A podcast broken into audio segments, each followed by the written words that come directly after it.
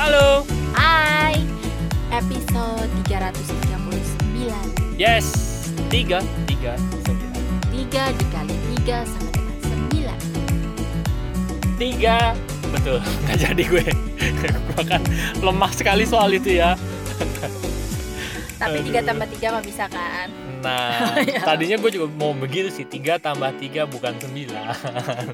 Tapi terus dia mikir, eh apa iya bukan 9 ya? Iya. Ih, Gila loh. Kok kamu tahu sih? Saya bisa membaca pikiranmu. Kamu memang hebat sekali ya. Ngomong-ngomong episode ini agak horor kar buat gue. Karena Ari mau melakukan sesuatu yang nggak tahu sih. Enggak sih. Yakin kamu? Nggak horor. Ini kan tulisan tentang gue. Jadi Oh, ceritanya tuh oke. gini.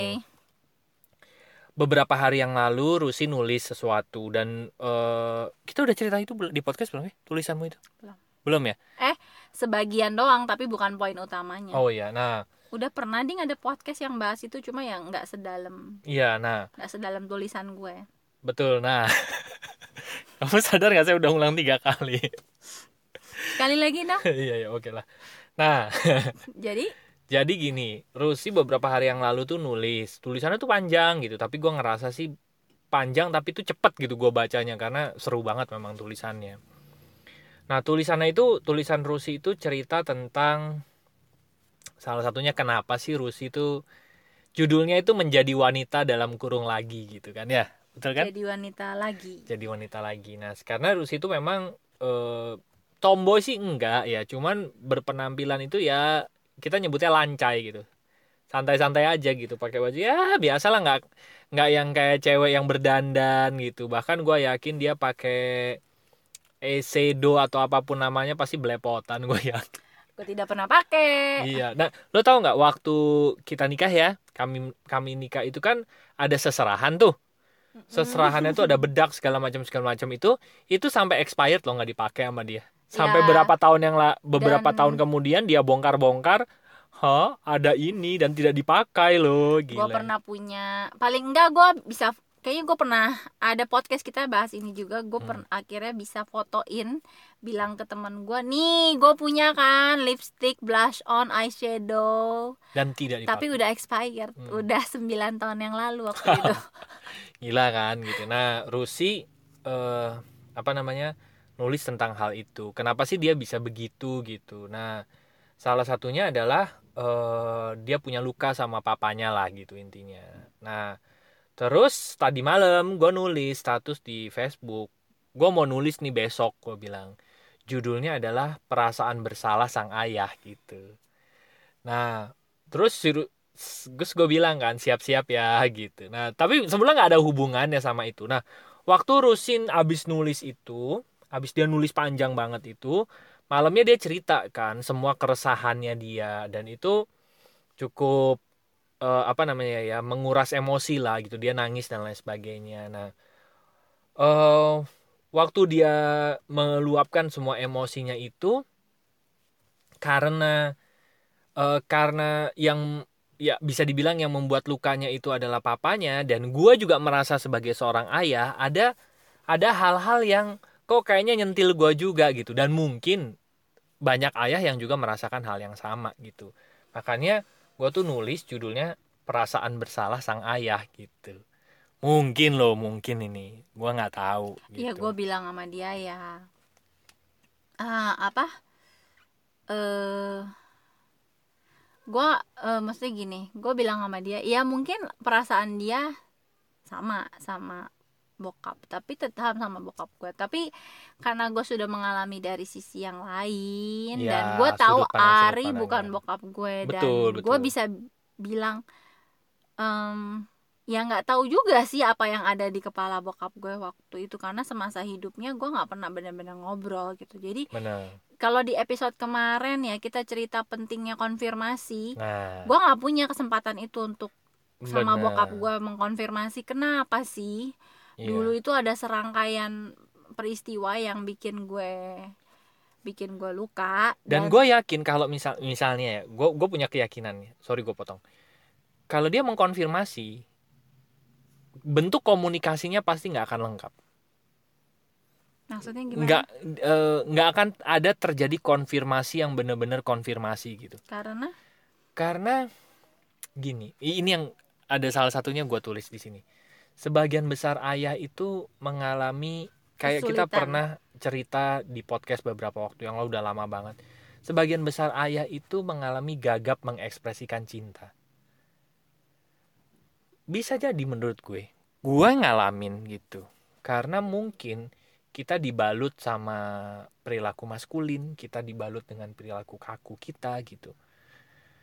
Jadi mungkin ya nggak tahu. Gue sih ngalamin bahwa eh, ayah itu punya tanda kutip penyakit itu gitu.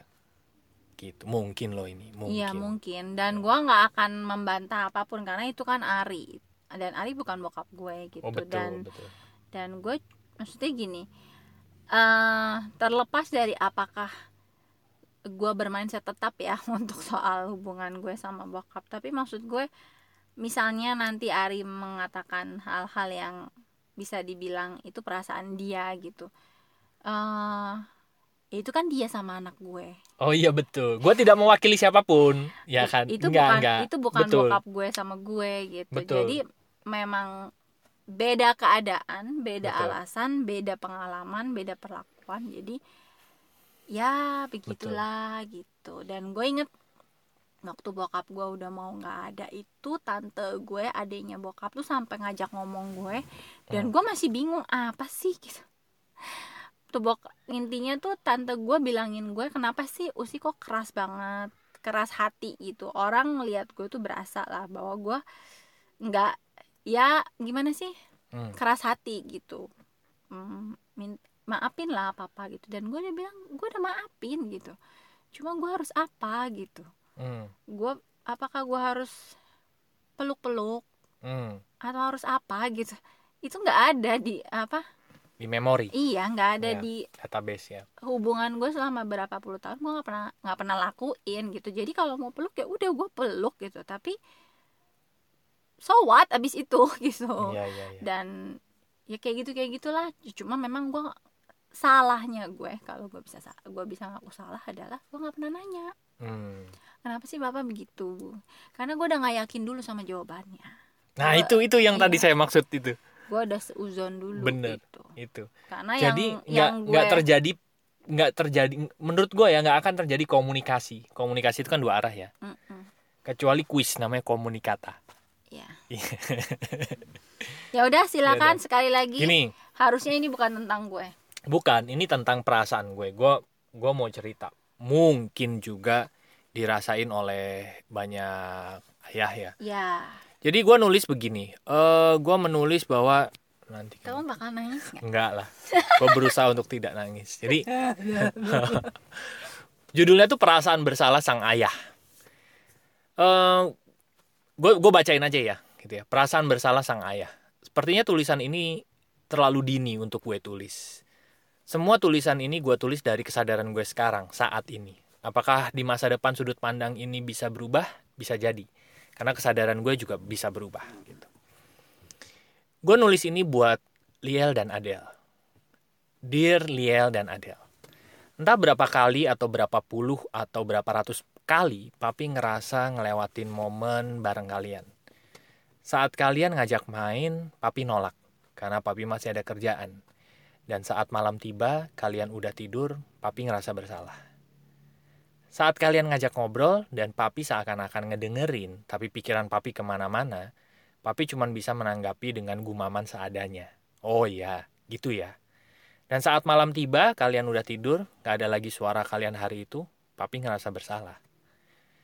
Saat kalian nyampein pandangan, saat kalian nyampein pendapat-pendapat dengan bahasa kalian, papi terlalu cepat gak setuju, padahal belum nangkep juga maksudnya kalian apa, dan sering kali papa ma- papi marah setelahnya. Saat kalian terdiam sesaat, setelah papi marah, papi ngerasa bersalah. Saat kalian ngelakuin yang gak sesuai dengan aturan-aturan dan papi ngerasa punya kuasa untuk mengkoreksi, papi buat luka emosi ke kalian. Dan sesaat setelahnya, papi ngerasa bersalah. Entah berapa lagi kejadian yang membuat papi ngerasa bersalah.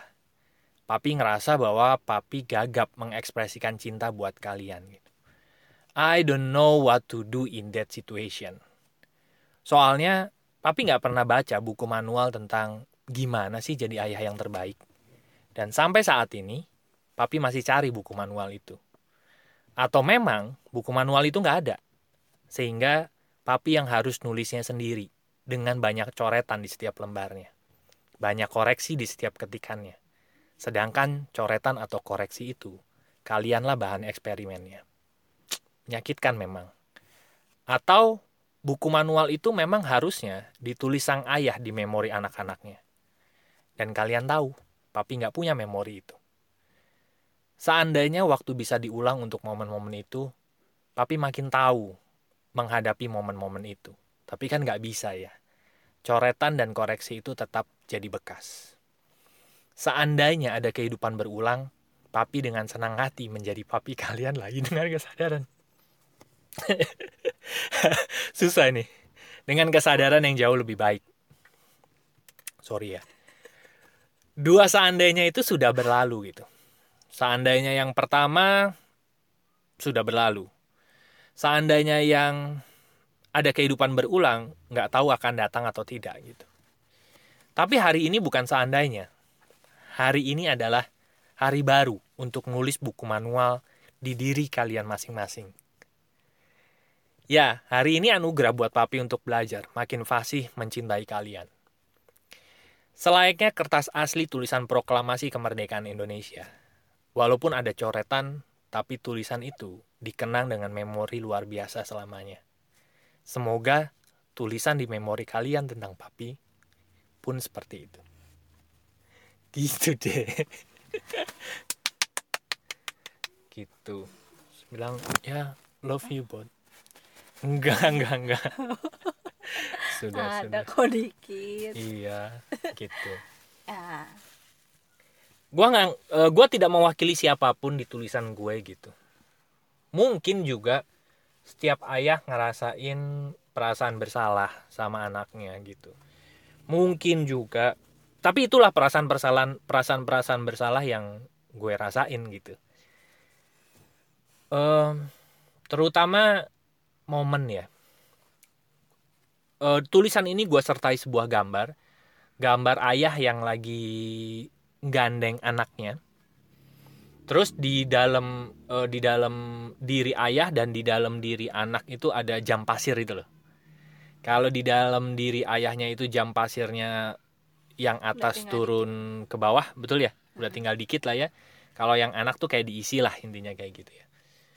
Nah, satu hal yang memang nggak bisa dibalikin adalah waktu gitu. Sedangkan ya tadi seperti di tulisan tadi, gue tuh nggak pernah belajar tentang menjadi ayah yang terbaik gitu. Karena gue nggak punya memori apa pun di dalam benak gue tentang ayah. Gue nggak tahu gimana bersikap sebagai seorang ayah gitu. Dan gue sih nggak udah nggak nyalain itu juga gitu. Cuman saat gue bersikap sekarang ke anak-anak gue, tadi yang seperti yang gue tulis, I don't know what to do in in that situation gitu. Mungkin sebagian besar ayah juga ngalamin hal itu. Saat ada di kondisi ini, apa yang harus gue lakuin ya? Gue nggak punya database-nya gitu. Yang bisa kita lakuin adalah ya naluri-naluri aja. Dan mungkin pada saat kita nurutin naluri itu, banyak goretan-goretan, banyak coretan-coretan yang kita buat di di di hati anak-anak gitu. Nah, padahal orang itu kan makin lama melakukan, makin terbiasa, makin fasih kan. Sedangkan untuk pekerjaan menjadi ayah, makin ber- pekerjaan jadi seorang ibu untuk satu anak yang unik, itu nggak bisa diulang gitu. Waktu waktu yang udah lewat, ya gue udah nggak bisa ulang gitu. Padahal goretannya udah ada di situ gitu. Nah, itu yang yang sampai sekarang ya itu itulah perasaan bersalah ayah gitu ya bagi gue sih gitu hmm. gitu Iya sih, semua orang tua pasti pernah ngerasain lah. Gue juga sering ngerasa bersalah dan kayak Ari sama, ngerasa bersalahnya itu malam gitu. Pas anak-anak udah tidur gitu. Cuma kalau gue pribadi memang gue merasa ya, Hmm. gue merasa eh, jadi gini. Dulu ada masa-masa gue tuh sering banget ngerasa bersalah sama anak-anak. sampai akhirnya gue cuma mikir apa gunanya gitu Mm-mm. apa sih yang bisa gue lakukan dengan perasaan bersalah ini gimana Betul. caranya supaya besok besok gue lebih Ya. sedikit merasa Betul. bersalah gitu karena kalau gue hanya akan mengulang-ulang gue akan gue akan betul. selalu merasa bersalah di malam hari dengan apa yang gue lakukan ke anak gue di pagi siang sorenya gitu betul sampai akhirnya ya gue belajar untuk sadar gitu pada Hmm. saat ngomong sama anak-anak betul gue memperhatikan kata-kata gue pada saat gue eh, dengerin mereka gue memperhatikan gue berusaha walaupun tidak sempurna gue berusaha untuk aware dengan sikap tubuh gue Mm-mm. tatapan gue tanggapan yang keluar dari mulut gue gitu. Karena apa? Sebenarnya egois ya. Karena perasaan bersalah itu nggak enak banget. Betul. Jadi gue bilang sama diri gue sendiri ya lu perlu perbaiki gitu. Betul supaya apa? Supaya di malam-malam ketika anak-anak lo tidur lu betul. tuh bisa menutup hari itu dengan lebih Betul. banyak rasa bersyukur daripada rasa bersalah. Benar. Gue merasa ya kalau uh, Ari suka ngerasa jadi pemenang nih kalau ya dia melakukan apa yang dia ingin gitu. Buat gue sederhana ketika gue bisa merasa hari itu gue cukup banyak main sama anak-anak gue apa kita ngobrol mereka gue ngerasa mereka happy eh, apa ya itu gue menutup hari dengan perasaan menang gitu Mm-mm. bahwa eh hari ini gue senang-senang sama anak gue gitu benar hari Betul. ini hari ini gue nemenin anak gue bertumbuh di apanya entah mungkin di pelajarannya entah mungkin di perkembangan dia sebagai seorang pribadi gitu. Jadi ya sebenarnya kalau mau dibilang keinginan kenapa sih pengen belajar parenting? Kenapa sih belajar kesadaran? Egois karena gue udah pernah ngerasain perasaan bersalah Hmm, sama anak-anak dan itu sumpah nggak enak gitu. Betul. Dan rasa bersalah itu kalau kita cuma pelihara doang benar. Betul yang bi- malah bikin kita malah jadi punya perilaku perilaku yang nggak banget gitu. Benar benar dan tenggelam dari perasaan bersalah itu. Iya. Jadi Betul. gue perasaan bersalah tuh ya Benar. kayak kita pernah bahas ya fungsi-fungsi perasaan gitu ya.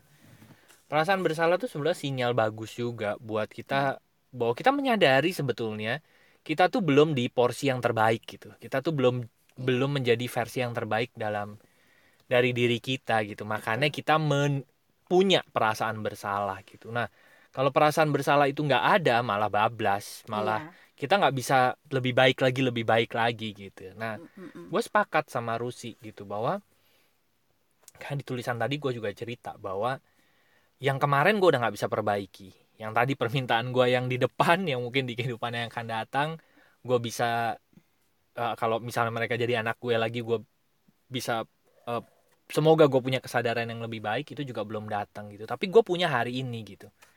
Hari ini yang gue Betul. bisa gue bisa do something buat buat anak-anak gue gitu. Benar. Ada satu quote yang gue baca udah pas waktu gue sebetulnya lagi quote apa quote? Suka-suka lah yang penting orang ngerti. Iya. quote quote kayak ke Quote. ke ke mall yuk sama ke mall yuk. Emang saya bilangnya apa tadi? Quote. Quote iya iya, Quote. iya iya iya yang benar apa nggak tahu quote kan tulisannya aja quote quote Iya, iya.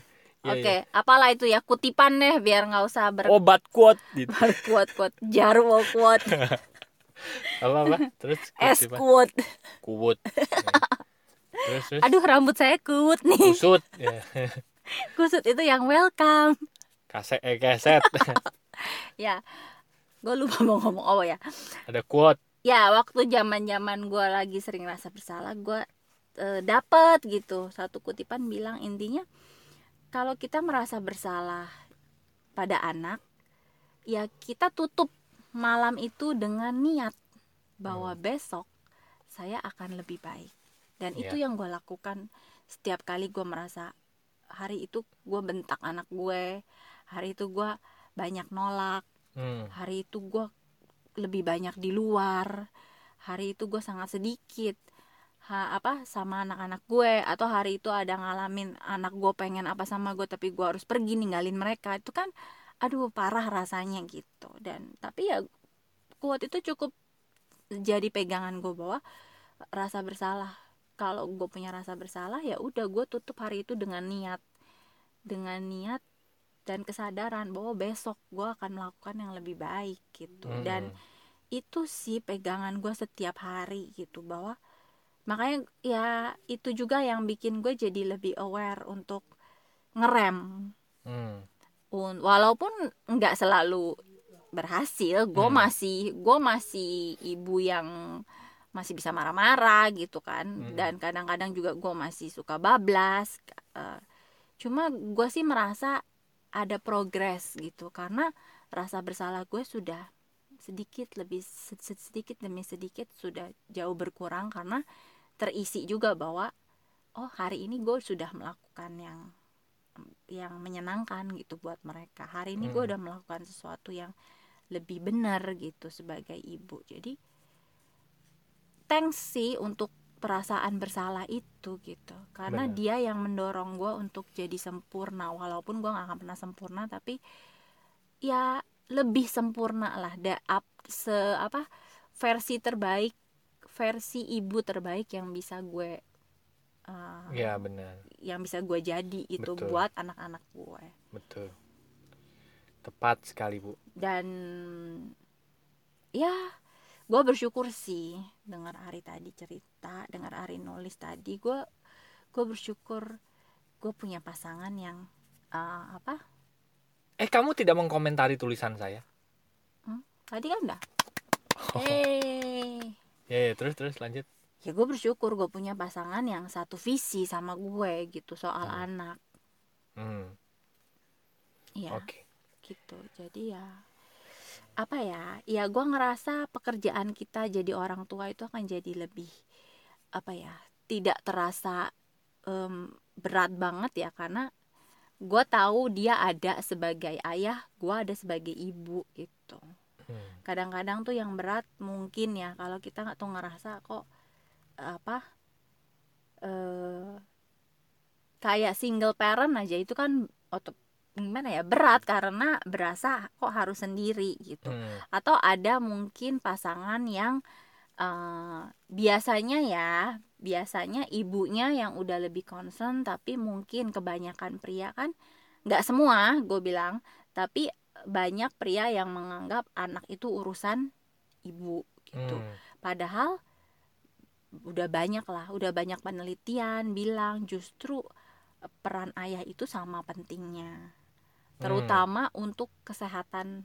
mental anak itu Hmm. eh, peran ayah kelihatan banget di situ gitu Hmm. dan ya gue bersyukur kalau udah ada pasangan-pasangan yang punya visi yang sama gitu jadi nggak ada yang merasa itu peran ibu doang gitu ah ya kalau dulu gue pernah bilang di tulisan gue bikinnya aja bareng Hmm. kalau bikinnya aja bareng ya berarti kan ada maksud dong kenapa orang tua itu harus ayah dan ibu gitu. Mm-mm. bukan cuma tempelan bukan cuma sekedar pas bikinnya doang gitu. Hmm. dan gue ya gue seneng lah tadi uh, baca tulisan itu. Walaupun ada perasaan bersalah gue cuma pengen bilang ke Ari waktu kita mudah-mudahan masih panjang. Oh iya. Ya kan? Betul. Anak kita baru yang gede baru 9 tahun yang kecil baru lima tahun ya udah setiap hari setiap malam tutup aja dengan niat bahwa oke hari ini gue melakukan ini ini ini memang gitu. Tapi besok gue akan betul. besok gue akan lebih baik lagi. Besok gua akan betul lebih baik. sekali. Oke. Baiklah teman-teman. Semoga hmm, semoga dapetin sesuatu. apa yang kamu rasakan ngomong-ngomong? Apa yang saya rasain? Iya. ya insightmu oke banget gitu. Bahwa eh selam gue menyadari bahwa perasaan bersalah itu adalah perasa sebuah sinyal untuk kita untuk menjadi versi yang lebih baik dari diri kita gitu ya. Itu sinyal bagus gitu ya. Em, cuman gue juga baru menyadari setelah gue nulis ini sama tadi Rusi juga bilang bahwa benar ya kenapa gue nggak tutup hari ini dengan gue sudah melakukan yang gue sudah melakukan apa yang gue bisa dan besok gue lebih baik lagi untuk untuk hal ini gitu ya untuk eh, tadi kalau bahasa gue nulis buku manual menulis memori di anak-anak gue gitu. Dan menutup hari dengan niat untuk lebih baik di esok hari itu uh, satu insight yang satu insight yang menarik buat gue gitu. Terima kasih ya. Sama-sama Oke. Hmm. Semoga teman-teman juga mendapatkan insight dari podcast kali ini. Semoga walaupun kita juga nggak tahu kan ini kan podcast ngobrol antara gua sama Rusi, ya kan. Rusi belum tahu tentang tulisan yang tadi gua sampaikan juga. Iya benar. Dan, Dan ya. Ya, semoga bermanfaat deh teman-teman buat teman-teman yang masih ngobrol bareng kami silahkan masuk aja ke website kami yaitu Woi. oh, iya. Kok dia lupa? lompatanhidup.com Ya, nanti ada tiga page di sana. Yang pertama ada home buat ngobrol, buat cicat dengan persoalan apa pun gitu ya, ada apa pun yang mau dicicatin, uh, insight-insight mungkin, cerita-cerita inspiratif silakan Atau ada masuk request juga boleh. boleh. Klik aja tombol WA di sana nanti akan terhubung dengan WA kami. Yang kedua ada konseling dan event. Ya. Buat teman-teman yang ingin mendapatkan layanan jasa profesional kami melakukan sesi terapi, konseling, dan ngundang, undang kami bicara di sebuah event. Klik aja di situ gitu ya. Terus yang ketiga ada bisnis buat teman-teman yang ingin mendapatkan rekomendasi bisnis dari kami. Kalian bisnis apa sih? Mau tahu dong bisnis kalian? Ada dan lain-lainnya seru banget lah. Dia ada komunitasnya segala macam. Masuk aja ke page yang bisnis, klik aja di sana. Nanti kita akan terhubung dengan WA di WA. Gitu ya. Oke, terima kasih sudah mendengarkan episode 339 Semoga bermanfaat dan sampai jumpa di episode berikutnya. Thank you. Bye bye. See you.